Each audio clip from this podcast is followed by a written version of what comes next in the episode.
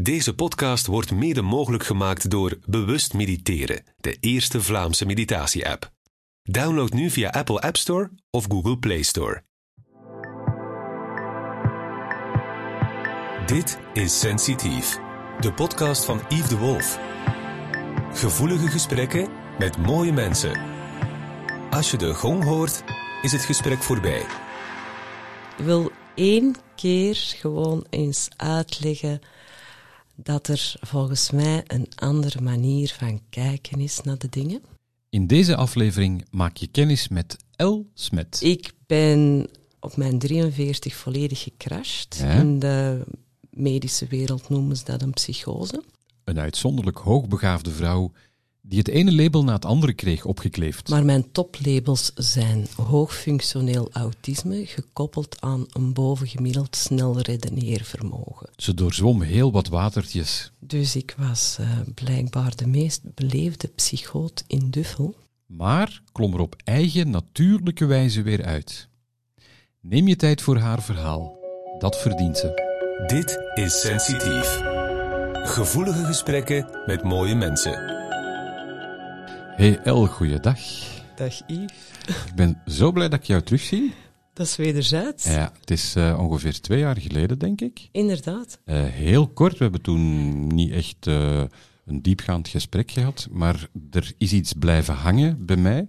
En vandaar dat je hier zit vandaag in een nieuwe aflevering van de podcast. Je was wel verbaasd hè, toen ik je mailde.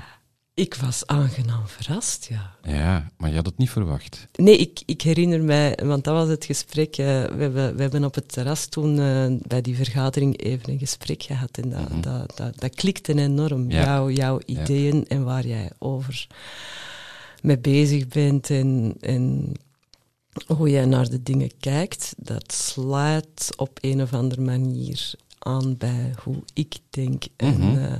Eh, Dat is wat ik aanvoelde Handel. en vandaar ook eh, dat jij op mijn, eh, op mijn lijstje stond. Ehm, ik had even duiden voor de, voor de mensen Ja. die het niet kunnen volgen. We hebben elkaar een kleine twee jaar ontmoet, Ja. denk ik, tijdens een meeting waar we hebben trachten hulp te bieden aan eh Aniek van de Mannaschool, een school voor eh, hoogbegaafden en eh, hooggevoeligen. Toen stonden we buiten op het terras te praten en jij had het, als ik me goed herinner, het kan fout zijn, maar het zit zo in mijn hoofd, eh, dat je iets eh, artistieks ging doen met, met, met de levensvisie. En ik heb toen verteld van, ik ben, ehm, of ik loop met het idee nog steeds, eh, met een vriend om een stuk te schrijven om, om ehm, gevoelige mannen uit de kast Ja, te krijgen. ja, en ik vond dat geweldig. Ehm, mijn idee was effectief, ik had in 2013 ehm, een concept uitgewerkt. Mhm. Dat heet eh, de Bureau of Ultimate Dream Investigation. En dat was eigenlijk een bureautje dat mensen zou kunnen leren van als uw vleugels ergens gekortwiekt waren tijdens uw levensperiode, hoe dat je jezelf in kaart kan zetten en hoe dat je eigenlijk zelf terug kan vinden wat je eigenlijke passie en doelen en essentie in het leven kunnen zijn. Mhm. Want het leven is eigenlijk gewoon een les.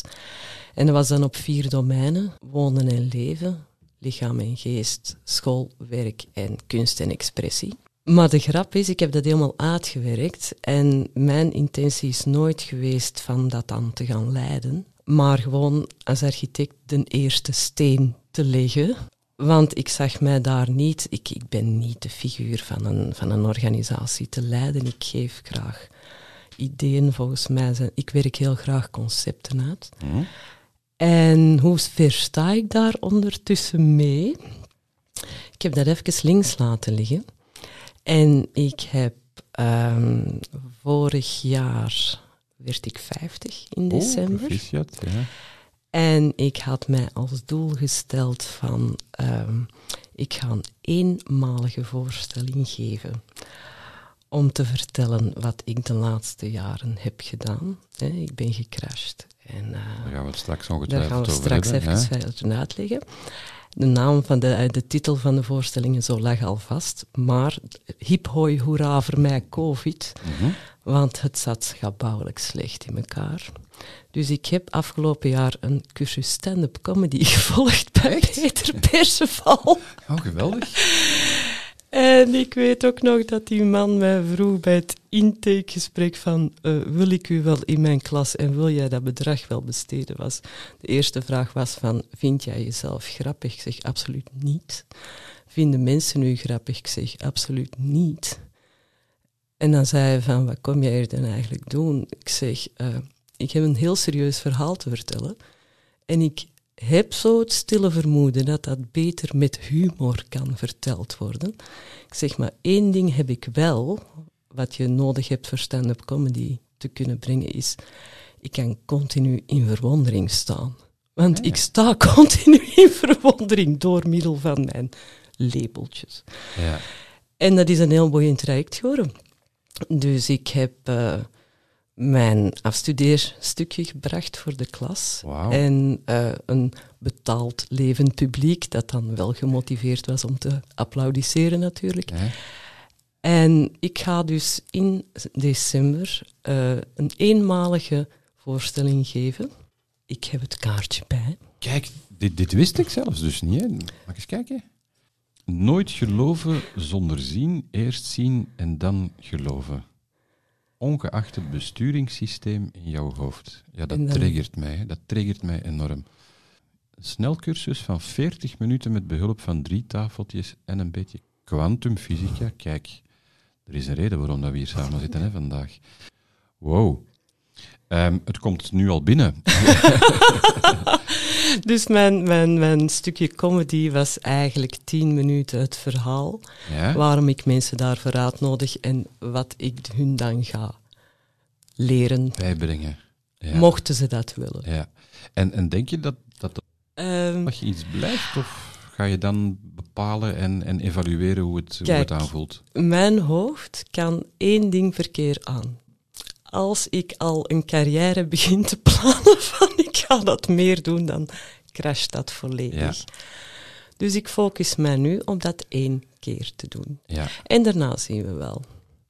dat is een mooie instelling, gewoon in het leven in het algemeen. Hè?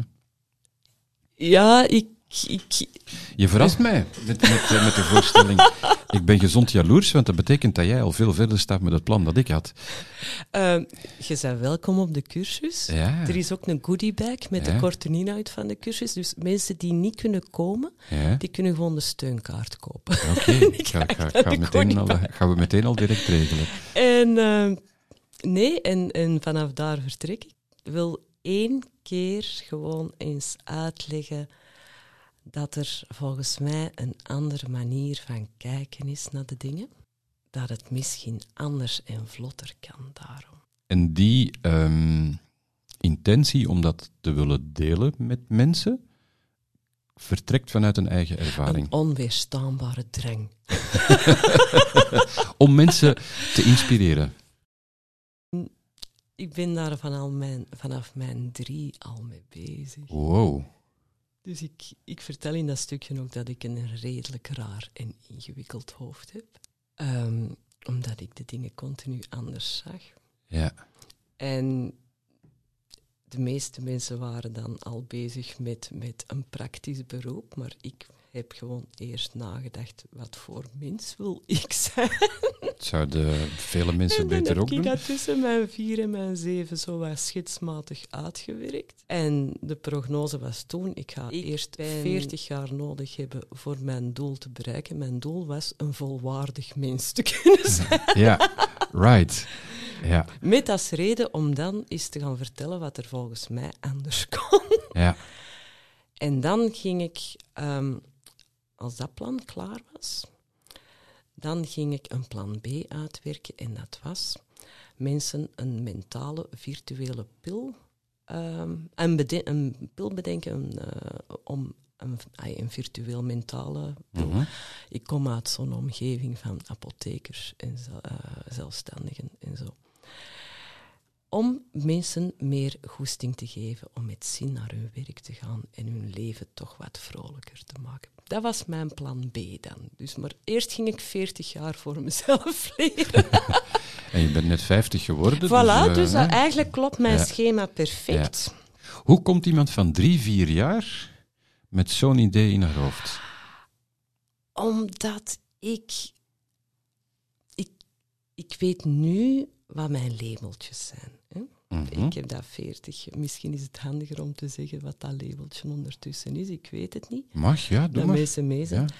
Ja. Ehm, ik ben op mijn 43 volledig gecrashed. Ja. In de medische wereld noemen ze dat een psychose. Ehm, daar hebben ze daar ook ineens het adjectief bipolair voor geplakt. En dat klopte volgens mij helemaal niet. Ehm, en dan ben ik verder gaan onderzoeken wat er wel aan de hand was. En dan, ja, je hebt dan eerst heel het standaardpakket dyslexie, dyscalculie. Allee, ik kon zo ver gaan als ik wou. Maar mijn toplabels zijn hoogfunctioneel autisme gekoppeld aan een bovengemiddeld snel redeneervermogen. Dus in de huidige termen noemen ze dat IQ. Ja, Maar dat wil niet zeggen dat ik, dat ik slim ben. Ik heb gewoon een heel snelle computer in mijn Mhm. hoofd Een snel, snel systeempje dat draait. Ja. Ehm, ja. en, en blijkbaar, als je autisme hebt, heb je zo twee fascinaties. Ja, ja, ja. Zo. In mijn stukje vertel ik dan eh, dat de neef van Philip Geubels, de, de, volgens mij heeft hij een lucky shot. Eh, de neef van Philip Geubels heeft blijkbaar een fascinatie voor wielrennerij en Vlaamse streekbieren. Dus, dus die heeft Asperger op zijn Vlaams. Dat is de grap die Philip Geubels over zijn neef vertelt Oké. en autisme. ja. Die van mij zijn veel raarder. Ik ben al sinds kind af gefascineerd door het menselijk gedrag in verhouding tot ruimte. Projectoptimalisatie van alles en nog wat, maar het liefste van mezelf. Ja, ja, ja, ja. Eerst de zoektocht naar jezelf. Ja, want ik kon me niet begrijpen als kind hoe dat, dat kwam, dat in situaties met mensen, die spelregels die veranderden continu, schijnbaar variabel en iedereen kon blijkbaar altijd direct inpikken en ik niet. Omdat die spelregels bij mij in mijn hoofd heel vast stonden, van, van je speelt niet vals, je doet niet. Je. En een andere groep, leeftijdsgenoten, ouderen, die konden variëren. Die hadden zo precies zo'n kuddegevoel van, die zaten precies allemaal op dezelfde golflengte en ik was continu, ik stond altijd in verbazing te kijken van, ik vind de golflengte niet. Jij voelde dat als kind al aan. Ja, Was dat ook thuis of was dat... oh ja, ja, ja, Ja, ja, dat was eh, op school in ons dorp en in mijn eigen familie. Je, je, je zei al een apothekersfamilie, zelfstandige familie. Ja. Heel, heel klassiek, heel traditioneel? Of, of hoe moet ik het plaatsen? Hoe, hoe zou je het zelf omschrijven? Mijn ouders waren een goed team. Ja, In die zin dat ik. ehm, ons vader kwam uit Dessel. Heel eh, traditionele familie van iedereen eh, groeit onder de kerktoren op. En de eerste wordt ingenieur, de tweede wordt apotheker, de derde... De Bomma had zo haar eigen bedrijf, idee eh, gericht van... En dan een dokter. En dan, oh ja, terug een, eh, terug een ingenieur. Want er was een klassiek. Bedrijf. Ja. En dan een, een meisje, ja, die moest dan goed trouwen. En dan nog een ingenieur. dus ons, ons, ons bomma had zo haar eigen eh, zelfbedruipend eh, systeem eh, Ja. bedacht. Mijn vader is dan geëmigreerd van Dessel naar Wommelgem. Cultuurshock. ja, maar nee, of dat je nu van een ander land of een ander continent komt. In die tijd was dat, was dat al not done. Ja.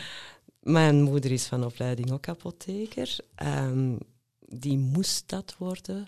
Zij, ze was het oudste meisje. En mijn bompa en haar vader had gezegd van... Kijk, de oudste gaat dat niet doen. Jij gaat de kaart trekken, maar die heeft dat altijd dik tegen haar zin gedaan. Maar samen waren die wel een fijn team. Ja. Maar ik kon als kind eigenlijk al zien. Ik was een onwaarschijnlijk vrolijk kind nog altijd. Heel alles in mij zindert van het is kennisoverdracht. En het enige wat ik zag was, oh, het is trauma-overdracht in de Helaas. realiteit. ja, ja, ja, de energie. En dat begreep ik toch Ja. maar niet. Ik, ik begreep maar niet waarom dat mensen het zichzelf zo moeilijk maakten. Continu door zo de, eind, de, de kantjes eraf te lopen in plaats van nu eens flink te zijn en, en gewoon... De lijntjes te volgen. Ja, niet, niet, niet, niet, niet, niet als, als een idioot, hè, maar, Nee, nee. maar durft gewoon eerlijk zijn. Maar dat, dat, dat rond de pot draaien, dat, dat, dat achterklapte, al dat negatief gedoe. Als kind vond ik dat vreselijk vreemd. Kon je daar bij, bij je ouders over terecht?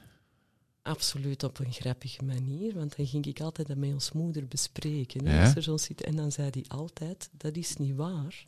Je moet dat zo niet zien, je moet dat zo niet denken en je moet dat zo niet voelen.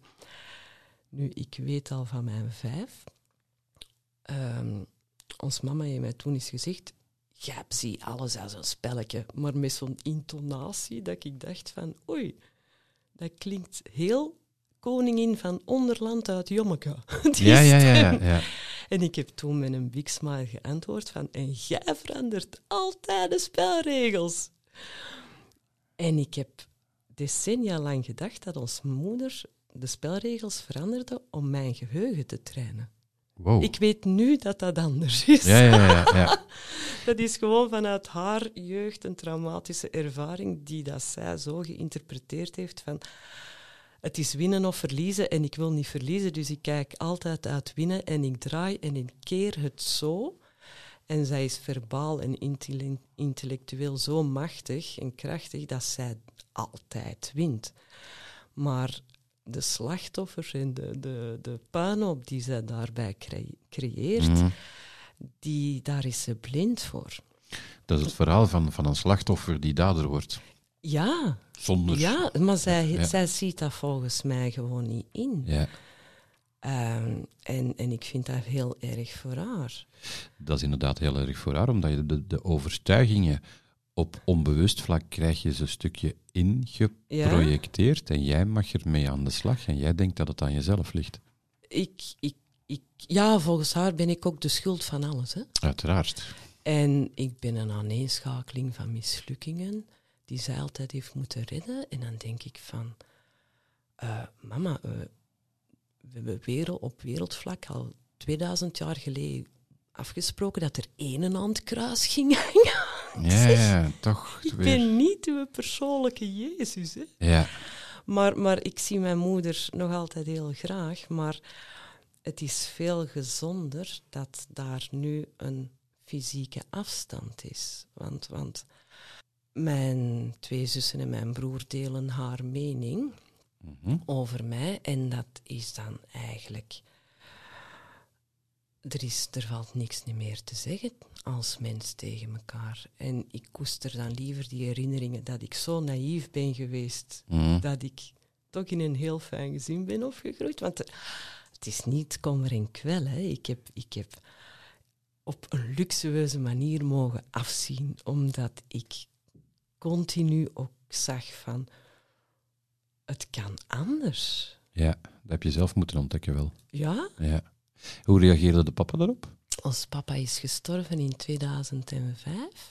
En eh, die heeft mij toen, eh, op, toen hij op palliatieve lag, eh, heeft hij ook gezegd van... Als ik er niet meer ben, ehm, probeert ons mama in toom te houden. Mijn vader omschreef ons moeder als een oeverloze fantasie. Maar ons mama is ook een onwaarschijnlijk een turbo. Hè. Ehm, die kijkt naar iets, die kan dat uitvoeren. Hè. Oh. Je hebt er een beetje van weg, als ik het zo hoor. Ja, Ja, maar tuurlijk. ik kan zien waar ik dat positiever moet Ja. beheersen Mhm. en niet moet afglijden in dat winnen of verliezen. Ik kijk op een totaal, ik kijk vanuit triple win. Ja, ja, maar het is, het is de visie. Hè. Dus, dus eh, hoe ik het zou benoemen in, in, in, in mijn eigen therapiepraktijk, is dat jouw mama het niet heeft geaccepteerd wie ze is, met Ja. alles erop en eraan. Ehm, dat jij het wel doet Ja, en dat je er een hele zoektocht voor hebt moeten ondergaan en dat je er nu op een mooie manier mee omgaat. ja, Zij hebben jou wel een hele originele voornaam gegeven. want hoe vaak krijg je die vraag van, is het jouw echte naam? het is mijn zelf gekozen naam.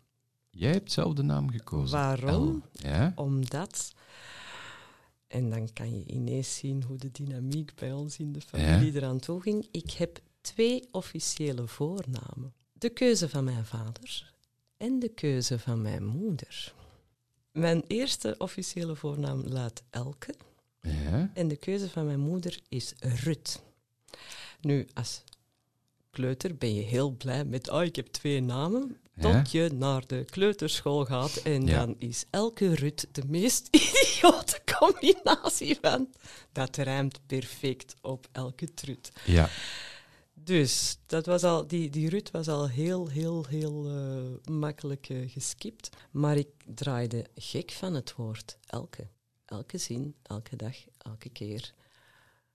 Mijn naam hoorde en Ja. langs de ene kant moest je altijd luisteren als jouw naam gezegd werd, maar als je dat in elke zin verkeerd interpreteert, Dan wordt het eh, lastig. dan is het heel lastig. Dus ik heb op mijn twaalf besloten van kijk, ik kort dat af.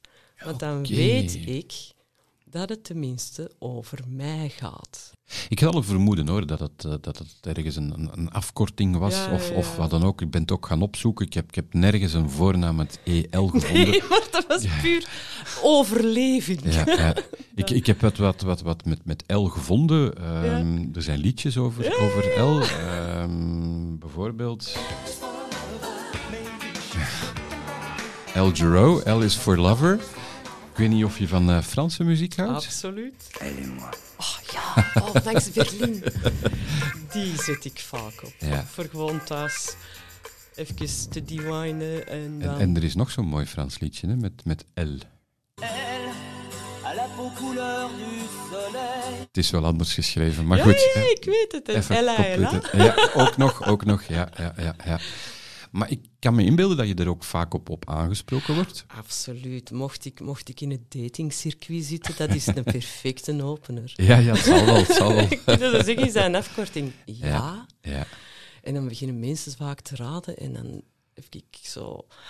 Ik wil u niet teleurstellen, maar, maar ik vrees dat je het eigenlijk niet gaat vinden. En dan zijn mensen nog harder getriggerd. En dan zeg ik al van, ja, het zijn acht letters, twee woorden. en het duidt ineens uit wat voor rare democratische familie ik kom. Ja, ja, ja. ja, Want het was echt een keuze van mijn vader en mijn moeder. Is, is die ehm, keuze voor, voor jouw eigen gekozen voornaam dan het begin geweest van een overtuiging van ik kies voor mezelf? In eerste instantie was dat gewoon, ik kies voor duidelijkheid. Oké, ik wou het overzichtelijk houden. ja. Als je autisme hebt, heb je één jungle in je hoofd. En dan is het altijd fijn als het duidelijk kan zijn. Dat, dat, dat is gewoon zo. Er zijn mensen in, in mijn tantes en onkels die, die blijven vasthouden aan elke. En dat vind ik oké, maar dan weet ik in welke context Mhm. het zit. Dus, dus dat, dat Dat, neigt naar niet-acceptatie, maar goed. Oh, nee, ik- Nee? nee, nee, nee dat nee, is gewoon... van hen, hè? Oh, maar, maar, maar mm, nee, dat is volgens mij heel simpel. Dat is de officiële naam en die gebruiken we dan. Hè. Mijn nichtjes en neefjes die, die, die schakelen al over naar L. Maar Ja. dat is allemaal, oh, daar lig ik niet zo van wakker. Zo. Maar goed, dus we zitten op jouw twaalf jaar. Je beslist om, om L te Ja. heten. Ehm, toen was het labeltje er nog niet. Nee. Hoe gaat het op school? Ehm, wonderbaarlijk genoeg, maar dat ligt aan, aan dat, dat snel IQ, hè, dat, dat Mhm. Ik kon lezen op mijn vier, omdat een zus van mij de afgrijzelijke behoefte had van toen al leerkracht te zijn. En ik ben die, ben die zus er nog altijd dankbaar voor.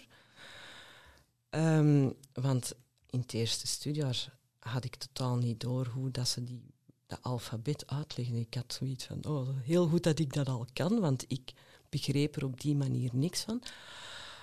Ehm, mijn leerkrachten lieten mij gewoon graag doen. Ja. Zodat ik geen stoorzender was in Ja. de klas, want ik was zo iemand was die, die, die. Pertinent doorging op een vraag, te letterlijk en dan te figuurlijk en dan nog eens in het abstracte. Maar die leerkrachten zijn er ook niet voor opgeleid, hè? Nee, nee, nee, maar, maar, maar Voilà, ik had het voordeel van in de lagere school de dochter van de twee apothekers te zijn. Dus dan had je al een privilege en ik gebruikte dat dan ook. Dus al toch een label. Ja, ja, maar, maar, maar... Nee, ik was gewoon raar. Ik, had, ik was raar en ik had een ingewikkeld hoofd. En ik heb ik pas in het vijfde middelbaar doorgehad dat het nut had om dagelijks te studeren, dagelijks werk te doen. Want ik was er altijd wel door. Hm?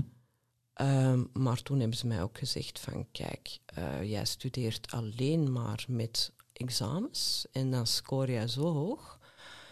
Maar er is ook nog zoiets als dagelijks werk. En ik heb toen ook de bedenking gemaakt, zeg, ja, maar ik zie het nut niet in van dagelijks werk. Ik heb alleen maar zin als er een groot overzichtelijk geheel is van dat te studeren. Mhm.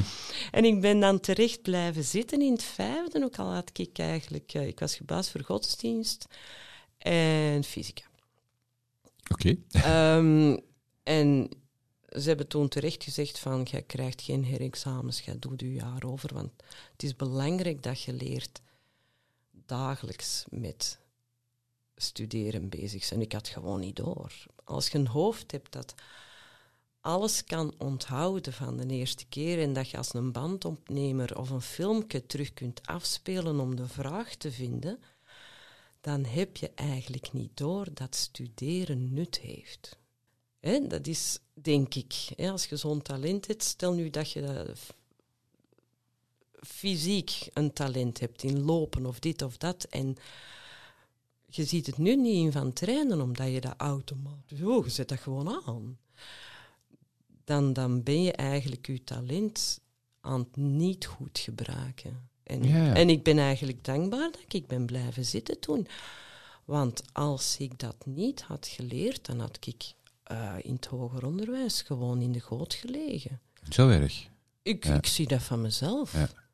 Want toen, eens ik dan door had hoe ik dan graag studeerde, dan, dan, dan ging dat vlotjes.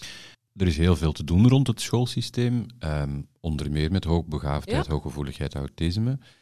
Ben jij dan inderdaad een voorstander van, van een mix of, of ben je toch eerder geneigd om alle mensen met een hoger IQ toch op een andere manier te gaan begeleiden in een schoolsysteem? Ik, ik ben een voorstander van in de kleuterklas gewoon eens uit te leggen, hetgeen wat ik in mijn cursusje ga uitleggen, hoe simpel een brein eigenlijk in elkaar zit.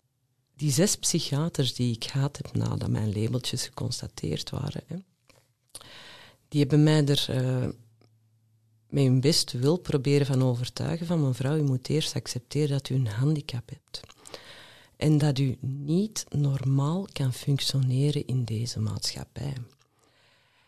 En dat heeft even geduurd eer ik door had wat hij eigenlijk bedoelde, want ik heb een ongeneeslijke stoornis ten opzichte van een normaal modelhoofd. Hè.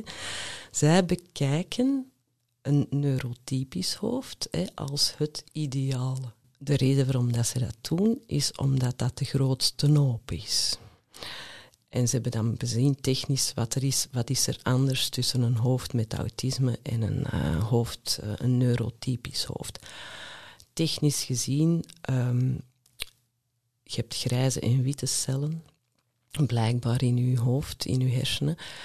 En tussen uw 0 en uw 4 worden bij neurotypische hoofden wordt dat mooi getrimd in een soort zesbaansvak, zodat je ideaal kunt functioneren in een kuddegedrag.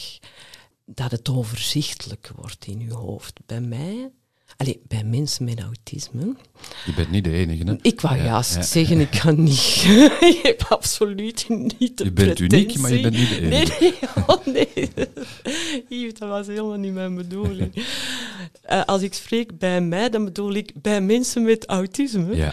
Ehm, blijkbaar zijn die grijze en witte cellen die worden niet getrimd en soms is daar nog een wildgroei. Dus ik heb een jungle en alles trilt en, is volledig in, in, in beweging, terwijl dat eh, ne- neurotypici eh, daar minder last van hebben. Dat is het verschil. En, en, maar er zijn evenveel voordelen als nadelen aan de twee systemen. Noem eens een paar voordelen, want iedereen vindt, praat het altijd over nadelig. Maar ik ben volledig akkoord, hè, maar ik wil het eens uit jouw mond horen. Ehm, een neurotypisch hoofd is dus perfect getrimd om in kuddegedrag te eh, Overleven. overleven. Die, daarom hebben die zo heel snel die schijnbare voeling met elkaar, terwijl dat die elkaar vaak ook niet begrijpen. Hè. Een voordeel van autisme, allee, dan spreek ik uit mijn ja. persoonlijk geval, is het moment dat ze dan vorig jaar eh, de angst uitspraken van eh, de pandemie. Neurotypici waren allemaal direct in wc-papiermodus. Eh, hamsteren, dit en dat. en, en, en. en ik had zoiets van: oei, angst.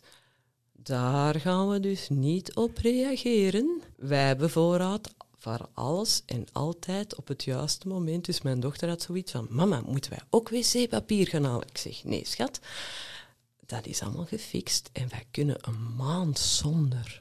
Ik ben niet getriggerd als, als, als mensen angst uitspreken, zoals die, een paar van die psychiaters mij ook uit angst hebben toegesproken van... eh, eh, Mevrouw, eh, u bent.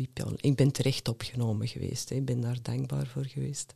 Ik was heel dankbaar dat ze mij eindelijk, eindelijk eens platspoten, want ik had acht jaar niet doorgeslapen. Wow. En als je een week niet doorslaapt, is dat ellendig. Maar als je dat acht jaar niet kunt, omdat je op alle domeinen van je leven in miscommunicatie terecht raakt, ik was op. Dus ik was eh, blijkbaar de meest beleefde psychoot in Duffel. en iedereen had schrik van mij. Wa- Waarom dat?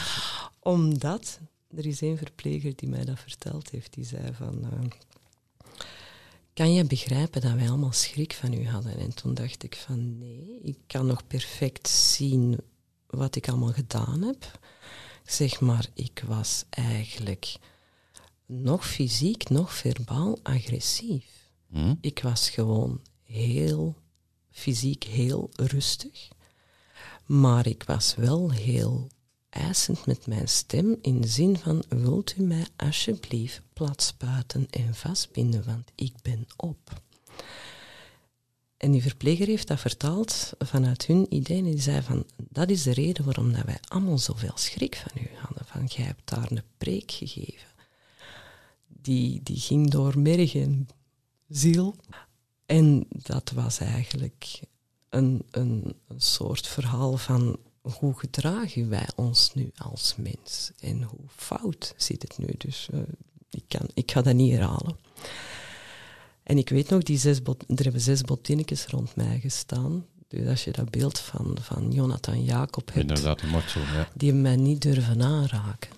Maar ik, ik, ik heb gewoon die met mijn houding op afstand kunnen houden. Die hadden ook geen trigger om mij aan te vallen. Ja, ik was gewoon zo rustig. Die verpleger die mij dat verteld heeft, die zei, we hebben nu polsslag gevoeld, we hebben nu ding, wij gaat geen spierspanning, gaat niks, jij wordt zo zen. Maar jij hebt ons verbaal wel, wel getriggerd van, van bind mij alsjeblieft vast, spuit mij alsjeblieft plat. En die zijn ook, jij waart de meest beleefde psychoot dat wij ooit hebben gehad, want je zei bij alles alsjeblieft en dank u wel. Dus ik dacht van, mijn Ja. opvoeding werkt. Ja, ja, ja. Het, het, het, het ehm, ja, houdt hen eigenlijk een, Ja. een stukje spiegel voor. Ja, en Zij- daar waren die van allemaal van geschrokken.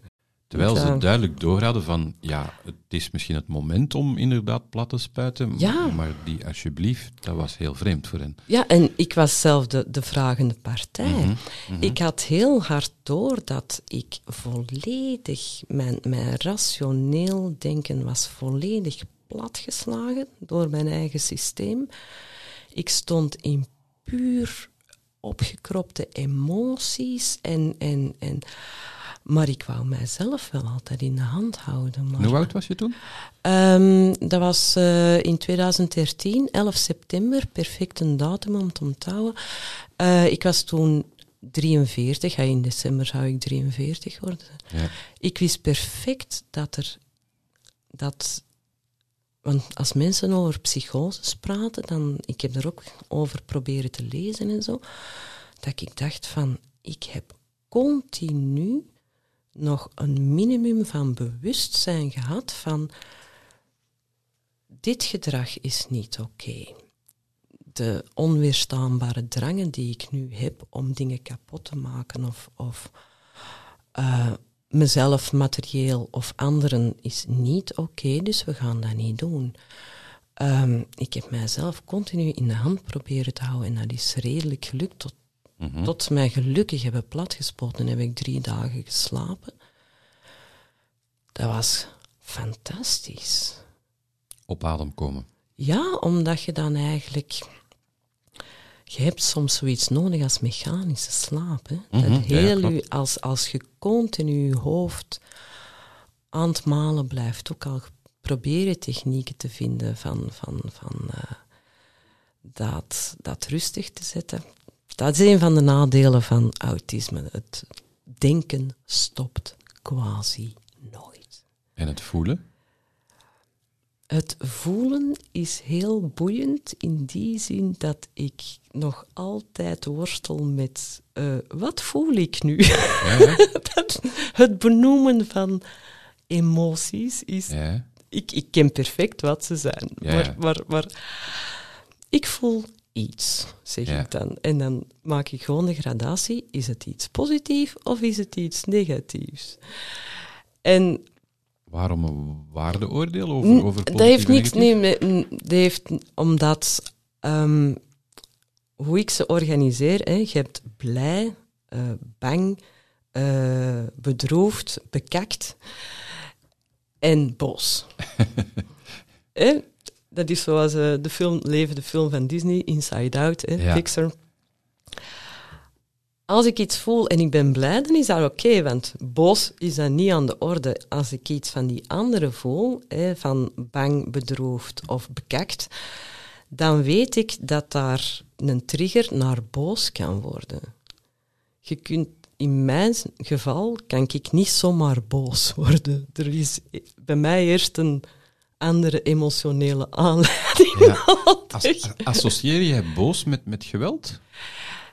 Fysiek geweld niet, maar, maar met zo van, hé, dit is niet... Met, met verbale Dat is de vormgeving. agressie Ja. of... of dat je, dat je jezelf niet in de hand hebt. En Ja. dat is gewoon... Ik vind dat geen fijne manier van zijn. Ik vind het interessant omdat in, in, in eh, het nijgebeuren, hè, de Ja. praktijk, wat ik doe, ja, als, als er boosheid naar boven komt en dat zit op de lever, dan is dat, eh, vertrekt dat meestal vanuit een onmacht of een frustratie. En dat zijn eh, herinneringen in jouw onderbewuste die jou terugleiden naar iets dat je vroeger hebt meegemaakt of, of gezien hebt. Terwijl ik ervan overtuigd ben dat, dat boosheid inderdaad altijd in dat donkere hoekje wordt Ja. Maar dat ehm, boosheid ook een kracht kan zijn. Ja, absoluut. Als het vertrekt vanuit, vanuit ehm, volledige zelfacceptatie, van, vanuit oneerlijkheid, geen frustratie, maar op een duidelijk moment tegen mensen zeggen van, oh, hier stopt het. Ja, Ik ben boos, ja. maar niet vanuit frustratie. Voilà, maar het gewoon zeggen vind ik dan al genoeg. Eh, ik moet dat dan nog eens niet met, met, met gebaren en, en geweld... eh, Dat is bij iedereen anders, ja, maar dat begrijp. Ik, ik, ik deel volledig, volledig jouw mening. Ik, ik wil nog even terugkomen op dat gevoel over, over het hamsten van het toiletpapier. ah, het kuddegedrag van de NTS'ers, ja? ik, ik- ik vond dat ongelooflijk om, om te zien van wat gebeurt er in hemelsnaam. Ehm, het is inderdaad angstgedreven. Maar voel jij dan hun angst? Nee, ik kan, ik kan zien. Ja, maar het is niet dat, dat, dat oh nee, nee, nee, dat laat ik absoluut Ja, niet ja. Dat is een van de vele voordelen dan. Dat is een van de vele Ja, voordelen. ja, dat kan me maar ik heb Ja. mijzelf daarin getraind. In de zin van, ik kijk, ik observeer, maar ik laat hun, als ik het zo, dat klinkt misschien zweverig, maar hun energie laat ik niet bij mij binnenkomen. Ik word in tegenstelling, mocht ik dan toch op zo, zulke momenten naar de winkel moeten voor iets anders, Mhm.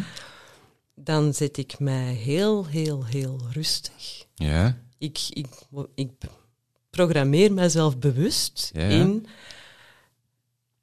ik ben geen uitnodiging voor u om uw angst, die in frustratie kan overslagen, te triggeren. Dat is een ongelooflijk talent dat je hebt, hè, El. Ik heb mijzelf daar, ik train mij daar al van kinds af aan Ja.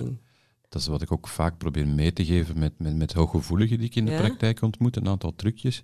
Nu, ehm, zelfs met mijn hele stevige programmering, het is niet evident om, om emoties die je overneemt, om die uit te schakelen. Ik train ze op hoe ze erop te reageren, Ja. omdat het brein Ja. op een andere manier in elkaar zit. Maar energie gaat overal los door. Dus dat is, dat is heel krachtig, dat is een van die voordelen dan. Ehm, ik hoor jou ook heel vaak zeggen dat je heel veel zelf hebt opgezocht, of dat je het zelf Ja. doet. Ben je ooit begeleid geweest? In, in de zin van dat ik, dat ik eh, hulp, professionele hulpverleners vond waar ik mee kon communiceren. Ja, voor je 43ste dan? Ehm, ik heb ehm, toen ik tweede jaar architectuur zat, ehm, had ik ehm, een tijdje lang de onweerstaanbare drang om eh, van de brug te springen. Omdat ik zo dolgedraaid was door de eisen van mijn ouders en de verwachtingen en de dit en de dat. En dan heb ik, op dat moment dat het echt niet meer houdbaar was, heb ik naar mijn moeder gebeld en die heeft toen gezegd van stel u niet aan en ga slapen. Toen had ik het gevoel bij mezelf van oei, hier gaat dat gevoel niet door over. Dus dan heb ik naar een volgende persoon gebeld. Dat was een beste vriendin van mijn oudste zus. Ik heb dat haar uitgelegd. Zeg, ik zit met die drang. Ik zeg, ehm, ik kan die zelf niet doorbreken. En die heeft toen gezegd, want ik zat in Gent op kot, ehm, houd het dan nog anderhalf uur vol. Ik kom u dag zeggen. En als je dan wilt springen, dan mag je. En dat was toen even een goed moment van... Ja, ja. Oké, anderhalf uur. Hè, dat duurt Mooie al zo lang. Dus ja. die is mij komen halen, die heeft mij in een auto gestopt, die heeft mij bij mijn ouders afgezet en die heeft gezegd, het is serieus. Ehm, en dan heb ik zelf in het netwerk van mijn ouders naar een psycholoog gaan zoeken, Mhm. met de vraag van wie kan jij mij, met wie kan jij mij in contact brengen dat ik dingen eens kan leren uitpraten, want ik stapel te veel op dat ik niet verwerkt krijg. En dat was een onwaarschijnlijke man. Ehm, en ehm, ik heb daar vier sessies mee gehad. Ik had ook aan mijn ouders gezegd van, ik kan nog niet rijden, het kost zoveel, dan moet ik daar zijn. En, Dat hebben ze wel gedaan dan. ah ja, ja, ja. Oh, anders was ik te voet of met de fiets. Maakt niet uit, maar dat hebben ze dan wel gedaan. En ehm, ik heb toen vier gesprekken met die man gehad. En de meest wijze les die ik daarvan... had- Want die had ook niet door dat het autisme was of dit of dat. Die dacht gewoon een, ja, een, een adolescent die in de knoop zit. Ja. hè. De- maar de meest wijze tip die hij mij heeft gegeven was... Het is oké dat je iets voelt als een reactie op iemand anders zijn gedrag. Maar een emotie is een seingever, geen raadgever. Dus je hoeft niet te handelen naar die emotie. Want die emotie kan u dingen doen, doen die, waar dat je achteraf heel zwaar spijt van gaat hebben. Je bent niet je emotie.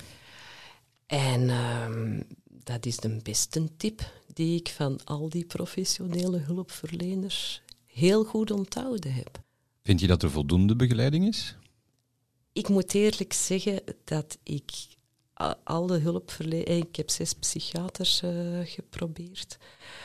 Twee psychologen, een autismecoach. eh, en toen had ik zoiets van... eh, het rendement op investering loont mij niet. Want ik was altijd onbehandelbaar volgens hun, omdat ik ik, ik kijk vanuit een totaal. Als ik, ik kijk al niet vanuit het woord stoornis. Ik heb aan die, aan die autismecoaches proberen uitleggen. Ik zeg, kijk, eh, ehm, kan u begrijpen dat mijn autistisch brein eh, soms flipt op sommige begrippen. Daar was die persoon direct mee mee. Ik zeg, kijk, de afkorting van autisme is ondertussen ASS. Ik zeg, autisme, spectrum, stoornis. Ik zeg, als je iets vanuit een psychologisch punt benadert en je benoemt het al als een stoornis, hoe denk je dat die mensen zich gaan gedragen? Ik zeg, dat zou het, ik zeg mijn idee is ASS, neurotypisch is NT. Ik zeg, als we dat nu eens gelijk maken, hè, NTS. En die persoon was al direct van, mevrouw. Want ze zei ook van, nee, het was eerst zo, ASS, en zeg autisme spectrum stoornis, zeg, kan u zien dat ik uh, mij daar storend naar ga gedragen? Dat was de reactie van die persoon. Dat, je moet dat zo niet zien, je moet dat zo niet denken, je moet dat zo niet voelen. En toen had ik zoiets van, ah, hetzelfde mantraatje als mijn moeder. En dan heb ik aan die persoon gezegd, zeg, kijk, NTS, en want moet het gelijk opgaan, hè, gelijke vergelijkingen. Zeg, als je nu eens ASS en NTS naast elkaar zet en die persoon begon al, mevrouw, ik ben niet degene met een stoornis. Hè. Ik zeg, uh, beste mens, de coach, u moet dat zo niet zien, u moet dat zo niet denken, u moet dat zo niet voelen. Die derde S staat bij mij voor systeem. En toen hebben ze gezamenlijk besloten dat we geen samenwerking hebben. Maar ik mocht toch betalen. Ja, uiteraard. maar snap je? Als het nu gewoon autisme spectrum systeem zou zijn, een mhm. neurotypisch systeem zou zijn, is al driekwart van de stoornissen is al opgelost. Ja. Als je nu gewoon, hè, want dan beginnen we terug, mijn idee van in de kleuterklas, als je nu eens gewoon in de kleuterklas al begint met zo zit een brein in elkaar, zo denkt dat. Letterlijk, figuurlijk, abstract. Uw heilige drievuldigheid. Ja. want de, de grondwet heeft nu vorig jaar tijdens de pandemie besloten dat uh, kleuters verplicht zijn tot uh, godsdienstonderwijs. Ah? Niemand heeft daarover gebougeerd. Dat was ongeveer mei dat dat in de grondwet is verschenen, dat dat is geïmplementeerd. Want het staat in de grondwet dat mensen recht hebben op uh, godsdienst. Dus kleuters krijgen vanaf nu godsdienstig onderwijs. Daar zoek ik altijd op van welke partijen zijn daar euforisch blij over. En dan denk ik van oké, die hebben goed gelobbyd. Ik denk dat het nuttiger zou zijn als je nu eens gewoon de cursus leer uw eigen hoofd gebruiken, ongeacht uw besturingssysteem. Want neurotypici hebben, omdat ze zo in kuddegedrag zitten, meer de neiging tot pestgedrag, meer de neiging tot maaiveldvrees. ik weet, dat is een woord dat nog niet bestaat, maar, maar het, ik kom uit de architectuur, ja, maaiveld. Het, ik vind het wonderbaarlijk als mensen excelleren in iets, dan ben ik de eerste om te zeggen van, jee, geweldig, en hoe heb jij dat gedaan? Wat kan ik van u leren? Dat is blijkbaar een heel verkeerd perspectief, want de kudde verwacht, nee, wij kloppen u met een hamer terug. Ja, onder het gras, want jij schiet daar bovenuit en dat vinden wij niet tof daar zit al het verschil in kijken bij mij. Van, van ik, ik bewonder mensen die... En dan denk ik van, leer mij mee. Waarom is het niet mogelijk om... om, om want dan ga je weer mensen in kampen steken. Ja, oh. dat hokjes denken van neurotypisch. Ik denk in functies. Ja, ja, Neurotypisch denken in hokjes. En dan zit je ook sowieso al vast. Ja. En dan kom je een beetje terug, terug op, op, uh, op mijn terrein in, in de zin van, van het onderbewuste, waar ik een vergelijking trek van oké, je legt alles uit. Ja? En, en de meerderheid zit in die 80%, laat ons zeggen. Ja, ja, ja, zo zit het. Ja? In het onderbewuste begin ik altijd, want het zijn heel veel mensen die, die jaren praatsessies hebben gevoerd met, met psychiaters en psychologen, kom ik in het onderbewuste en dat je het gewoon accepteert. Wie je bent. Ja. Welk label ook. Ja. Waanzinnig wat dat doet in de hersenen bij mensen. Absoluut. Ja. En ik ga label overstijgend, hè. Ja, ja, ja. En, en daar denk ik dat we elkaar weer in vinden van... Jij, Tuurlijk. jij wilt even de kleuterklas doen, ik zou het heel graag in, in, in, in het schoolsysteem bijbrengen van... Kijk, het is een en-en-verhaal. Ja. Ja, en dat En zou dan nog een zijn. N. Het is triple win altijd, Yves. Triple, ja, vertel mij. Ja, Wat dat kan is ik een leren van jou? Dat is een stukje van mijn cursus, maar ik Ja? zal hier dan... Die drie tafeltjes, dat ga ik niet uitleggen, Nee, want nee, dat nee, is zo de grap. kijken, hè. Ja. Dat is de grap eh, van, eh, van, van het verhaal, want dan gaan we wat hersengymnastiek doen en dan doen we die pootjes eraf en dan denken we in die vormpjes. Triple win.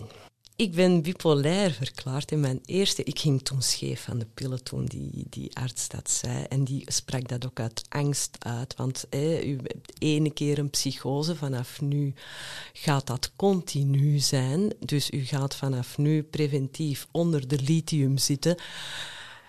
En mijn eerste reactie was van... eh, mens, ik heb hier jaren aan gewerkt om tot deze crash te komen. Ik zeg, de volgende keer... eh, ik weet ondertussen dat het komt omdat eh, ik op mijn twaalf mezelf had voorgenomen van ik word niet meer kwaad op problemen, die, situaties die ik niet begrijp. Dus ik druk dat even onder mij in, dat is ontploft. Ik zeg, en, en al veertig jaar de wereld niet begrijpen, dat triggert ook wel. Ik zeg, met wat ik nu weet en wat ik, hoe ik het anders ga aanpakken, is de kans dat ik nog eens een psychose heb binnen 40 jaar. Hè? Maar zij bekeken van bipolair en angst en alles wat ik zei. Ik was dan ook nog eens, eh, ik had ook nog eens hoogheidswaanzin Ook nog. over het eh, wiskundig onderwijs eh, van mijn dochter, die toen in het tweede studiejaar zat. De invulling van het honderdveld. Daar gaan we het nu niet over hebben, maar ik heb een brein dat heel snel reageert op denkfouten. Dus uit programma's, uit plannen. Ik kan dat er gewoon Uithalen. direct binnen Ja. de seconde uithalen en ook nog eens uitleggen waarom dat, dat fout zit. Dat was mijn kracht, hoe dat ik wel kon functioneren in de maatschappij. Hè? Eh, of dat dan architectuur, calculatie, eh, programmering was. Ik wist zelf wel waar ik stuiterde, maar ik kon mee. Ik, kon, ik was mijn geld waard. Ja, ik wou, ik wou het juist vragen, hoe, hoe gebeurt het dan op, op professioneel vlak? Dan, dan moet je toch in Ik was bepaalde altijd, sectoren... ja, ja, ja, ik was gefascineerd door architectuur, Ja. hè, menselijk gedrag in ruimte en, en projectoptimalisatie. Dus ik heb heel bewust voor een opleiding architectuur ge- ge- gekozen en dan ook specifiek eh, in Gent, Sint-Lucas. eh, ik heb dat allemaal onderzocht. Ja. Iemand eh, met mijn hoofd die, die maakt graag echt overzichtjes van heb ik bewust een goede keuze gemaakt. Geweldige studie. Gaat het richting controle? Controle hebben over alles? Nee, dat heeft weinig. Dat is minder controle. Dat is, ehm, dat is ook geen controle uit angst om, om niet te kunnen. Maar ik maak graag een overzicht. Overzicht, Wij- ja. Ik zal u uitleggen. Wij zijn eh, met de paplepel. Zeilen is onze algemene hobby in De familie. de familie Smit. Ja. En ik heb nooit anders geweten dan dat er eh, in eh, de kerstvakantie werd er al gepland waar we dan eh, met heel de familie en een hele nest boten en eh, dat was meestal een dertigtal man, waar we naartoe gingen. Dat was meestal Engeland of een stukje Frankrijk ter variatie. Maar dan kon je ook al zien, zeekaarten, je had de stroming al, je wist al de getijden. Het enige wat de variatie, de variabele was, was is er wind of niet en gaat het regenen. ja. Maar je kon voor 90% van de tijd heel je vakantie al plannen. ja. En welke havens dat we gingen aandoen en, en hoe dat we dingen... Dus van, van daaruit heb ik dat geleerd, van, van je bereidt u voor. En voor de rest hebben wij geleerd van de natuur wint altijd. Dus Sowieso. uw ego op een zeilboot is vanuit ja, uw, uw, uw, uw ego van de, de valse schijn, ego Ja, hè, van zie ja. eens wie ik ben, die is totaal ondergeschikt. Je kijkt vanuit verantwoordelijkheid en veiligheid. En samen op een boot wil zeggen, er is er niet ene die de, de, de, met, de, met de pluimen gaat lopen. Het is Teamwork. teamwork, want ofwel is het een gezamenlijke overwinning, ofwel is het een gezamenlijk fiasco. Als je daarmee is opgegroeid, dan leert je alles plannen. Maar er is wel altijd één kapitein aan boord. Ja, nee, dat is juist. Er, is, er kan maar één kapitein zijn, maar die moet de eh, helderheid van geest hebben, dat hem zonder zijn matrozen, zonder zijn eerste stuurman, de kapitein is degene die de kop van jut is als het misgaat. Hè. Ja. Die moet eigenlijk... eh, Helikopterpiloot. Voilà, Ja. je, moet, je, moet, je moet het volledige overzicht hebben. Als dat een on, onbegrensd ego is, dan zinkt je een boot voordat hem de haven uit, uitgaat. Hè. Voel jij je kapitein van je eigen leven? Eh, Momenteel- ik vind dat heel belangrijk. Nee, nee, maar Ja. je voelt je in je kracht. Ja, ik vind dat zo'n raar woord, kracht. Maar ik, ik, ik besef al van kinds af van, ik ben Wie ik ben. verantwoordelijk voor mezelf. Ik heb heel veel hulpprogramma's in mijn hoofd. Ik spreek graag in koninklijk meervoud en dan zijn er mensen... En er zijn ook mensen die vroegen van, ja, hoor jij stemmen in je hoofd? En denk ik van, ik weet in mijn hoofd perfect wie er aan het woord is. Omdat er andere mensen inderdaad soms stemmetjes horen. Hè. Ja, en ik, ik vraag mij dan af wat dat zij horen, maar, Ja. maar ik weet dat ik eh, Ja. de kapitein ben van het spel Ja. en de kop van Jut. Maar ik heb hulpprogramma's. En zo heeft iedereen zijn eigen hulpprogramma's. Natuurlijk, maar ik ben mij er bewust van. Ja, ja, ja, ja, maar verantwoordelijkheid is, is god, denk ik, op één na de belangrijkste eh, sessie in, in, in het traject met nee. Je bent enkel verantwoordelijk voor jezelf. Voilà, en, en het helpt ook als je ergens de, de, de tip krijgt van leer jezelf in kaart zetten. Mhm. En, en leer, dat is ook een van de dingen van, van in mijn geval met autisme. Ik, het lukt mij moeilijk tot niet om, om eh, mijn eigen schaduwkantjes niet te zien. Hè, mensen, sommige mensen zijn perfect in staat van, van eh, schaduwkanten over zichzelf te creëren. Hè, van, van bijvoorbeeld, zo ben ik... Ja, zo maken ze Maken zichzelf zichzelf wijs, hè? Een van, en, en ik heb mij heel lang afgevraagd hoe dat, dat kwam. En nu weet ik het, want een van de nadelen van, eh, vanuit de psychiatrische wereld gezien over autisme is van mensen met autisme hebben, eh, zijn qua normen en waarden betreft redelijk inflexibel. En dat wordt als een afgrijzelijk probleem gezien. En dan denk ik van, eigenlijk is dat prachtig. Want qua normen en waarden betreft, of dat er nu een camera op mij staat, of mijn microfoon staat wel of niet uit, ik zal altijd Eerlijk zijn. eerlijk zijn en oprecht. En, en eh, ze hebben dat ook getest van mensen met autisme. eh, dus het is niet enkel bij mij, maar het, wordt als een, het feit dat het wordt als een probleem gezien dat je niet flexibel kunt zijn in normen en waarden,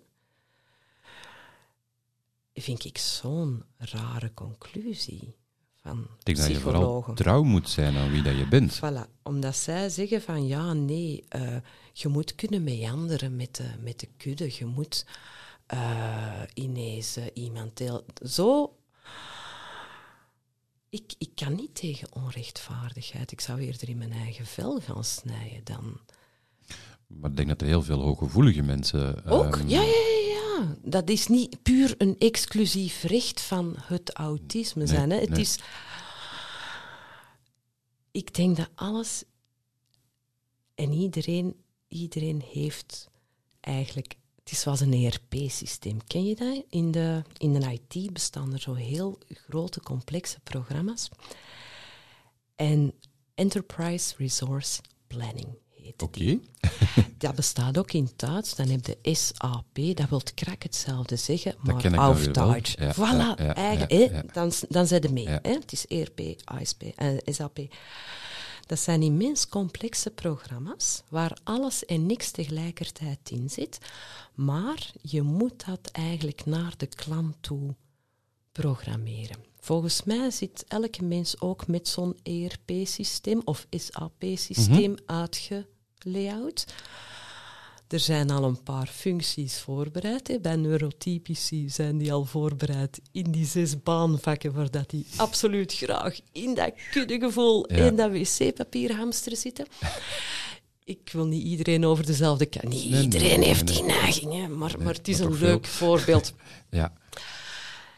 En je hebt, en je hebt mensen die, het, die een andere bedrading in hun ERP-systeem hebben. Je dat ook met mensen van down. Iedereen heeft zijn eigen specifieke dingen. Het meest boeiende vind ik van, zolang dat je dat in hokjes zet en in afscheidingen en begint te kijken, en dan kijk je automatisch naar wat is er minderwaardig.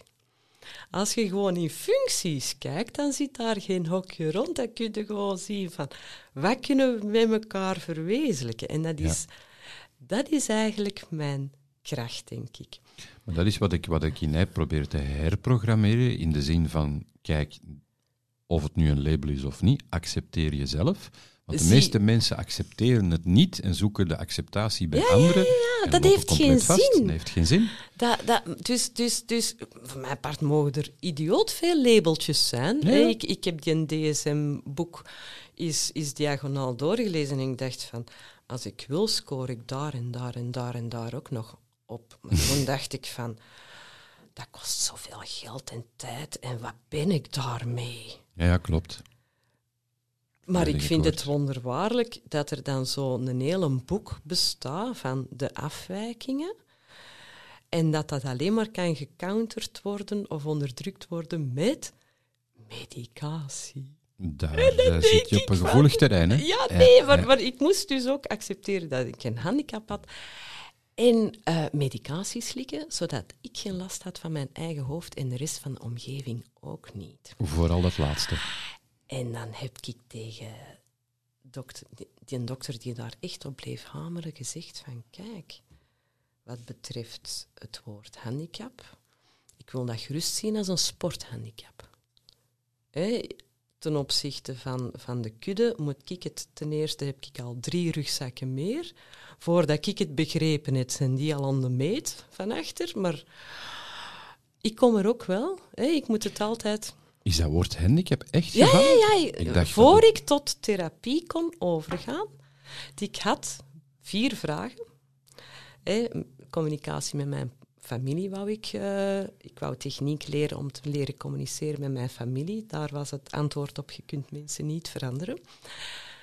Ik had de vraag van, uh, ik zou heel graag eens willen praten over hoe ik mijn psychose beleefd heb, hoe het komt dat ik mij toch nog heb kunnen handhaven. En misschien is dat toch wel nuttig om eens te vertellen aan mensen dat als die zo'n episode of, of, of ik weet ook wat het is van, van een onweerstaanbare drang te voelen om iemand van het zevende verdiep te gooien, omwille van een druppel spaghetti saus, waar dat dan een instapeling is. Ik heb mij ook toen kunnen herpakken. Mhm. Dankzij die tip van, uh, die, die, fantastische psycholoog die zei van een emotie mag je voelen, maar ga niet tot uitvoering. En uh, ik wou erover praten. Ik zeg, dat heb ik beleefd tijdens mijn psychose. Ik zou daar eigenlijk willen met u. En dat was ook niet interessant. En dan had ik iets van, ik wil praten over hoe ik dat woord autisme ervaar. Mm vond, vond dus ook niet interessant. En dan had ik als vierde had ik zoiets van... Um, ik heb een trainingsprogramma gemaakt voor mezelf. Want ik kan wel zien dat ik hier en daar dingen kan bijleren, omdat ik eigenlijk ervoor nog nooit had gehoord dat er een neurotypisch hoofd bestond. Ja, ja klopt. Ik, zeg, ik, ik, wil, ik, wil, ik wil natuurlijk mijn communicatie en het begrijpen naar de ander verbeteren. Zeg, en dat is volgens mij nodig, enerzijds om dat te kunnen en anderzijds om mijzelf terug op te bouwen, want ik was de meest verweesde mens. Allee, ik was to- totaal ontredderd. Ik was mijn kompas volledig kwijt. Ik was de fundering kwijt. Dus ik had zoiets van, dat moet ik toch terug leren opbouwen. En tegelijkertijd had ik ook wel beseft van, tijdens die crash, al mijn technische kennis is gewoon weg. Eén zwart gat. Dus, dus, Maar het is er nog, hè. Het blijft ergens in de bibliotheek. Ik krijg er niet meer terug. Contact mee? Nee. Misschien moeten we eens een oefening doen. Ja, het is zo grappig dat ik zo... zo, zo hé, ik weet nog wel, in een toren van kennis... eh, Ja. Er nog? Alle labeltjes van wat ik kon. Het is zoals een, een, een computer is gecrashed. Dus Ja. al die mapjes staan er nog, maar daarachter is het leeg. Ja. En als ik daar terug naartoe ga, dan zeg je van, jij denkt toch niet dat wij dat terug gaan vullen of wat? Ja. Dus mijn brein dwingt mij gewoon van, eh, het is goed geweest, je hebt u mogen amuseren met al dat technisch. Want dat is zo plezant kunnen studeren en, u, en, en een nieuwe omgeving deel uitmaken van met mensen samen te werken die ook gedreven zijn, die, die daar niet zitten om hun dag te vullen qua job, maar die gemotiveerd Passie. zijn om iets te verwezenlijken en dan nog in de bouw. Eh, hoe geweldig is dat? Dat is allemaal weg. Dus, dus ja, ik zit nu aan het andere eind van het spectrum van, Ja, ja, van de architectuur. In plaats van architect ben ik nu interieurverzorger. Interieurverzorger? Ik, Ik wist ben niet. Huishoudhulp. Oké. Ik heb mijzelf gedwongen van jobs te aan te nemen terug. Dat was mijn trainingsprogramma. Integratie. Dat programma dat ik had geschreven voor mezelf te trainen, eh, de- die, ik heb dat laten zien aan diezelfde psychiater, en die zei van... eh, zijn eerste vraag was van, hoeveel verdient u? Mhm. Ik heb dat dan eerlijk gezegd. En die zei van, u kan die therapie niet betalen. Ik zeg, oké, dat is eerlijk, hè, want dat hield dan in eh, wekelijks psycholoog eh, en maandelijks bij hem. En dan vroeg ik mij af van, waarom maandelijks bij hem? Ah ja, om uw medicatie aan te passen. En toen heb ik gezegd van, kijk, de dag dat ik medicatie ga pakken, is de dag dat, dat ik jullie een cursus tijdsbesef, dossierkennis en empathisch luisteren ga geven. En ik denk dat die een dag dichterbij is dan dat ik pillen ga slikken. En dan mocht ik ook gaan. En dan heb ik ook gezegd van, kijk, u hebt mijn programma niet afgekeurd. U hebt gewoon gezegd dat ik het niet kon betalen als ik het via uw organisatie zou doen. Dus mijn programma zit goed in elkaar. Dus ben ik gewoon effectief eh, begonnen met... eh, mijn, mijn week was opgebouwd uit werken. Ik ben begonnen als PWA Groendienst. Ja. 12 uur tot 14 uur. En voor de rest boeken, lezen, samenvatten, trainingsprogramma's van maken. En dat effectief ook toepassen. En dan heb ik mij geupgrade naar... Ik heb drie seizoenen... ah nee, drie jaar, want je kunt elk seizoen iets doen in een tuin. Hè. Ehm, ben ik op de markt eh, brood gaan verkopen, samen met een van mijn beste vrienden, die wist van, jij kunt iets, maar jij terug wat zelf Ja. zekerheid nodig. Ehm, en dan heb ik dat gecombineerd met een poetsjob. Ik ben naar klanten gegaan, voor vrienden, waar dat ik ook hun huis kende, al dan niet ooit verbouwd. Ik zeg, ik word uw poetsvrouw. En ik ben Mooi. met een pakket klanten naar een dienstenchecksbureaubedrijf gegaan. Ik zeg, eh, willen jullie mij aannemen? En ik heb daar zes maanden voor moeten procederen bij de RVA om dat te mogen doen. Wat, wat was het probleem? Het probleem was dat ik eigenlijk niet moest werken.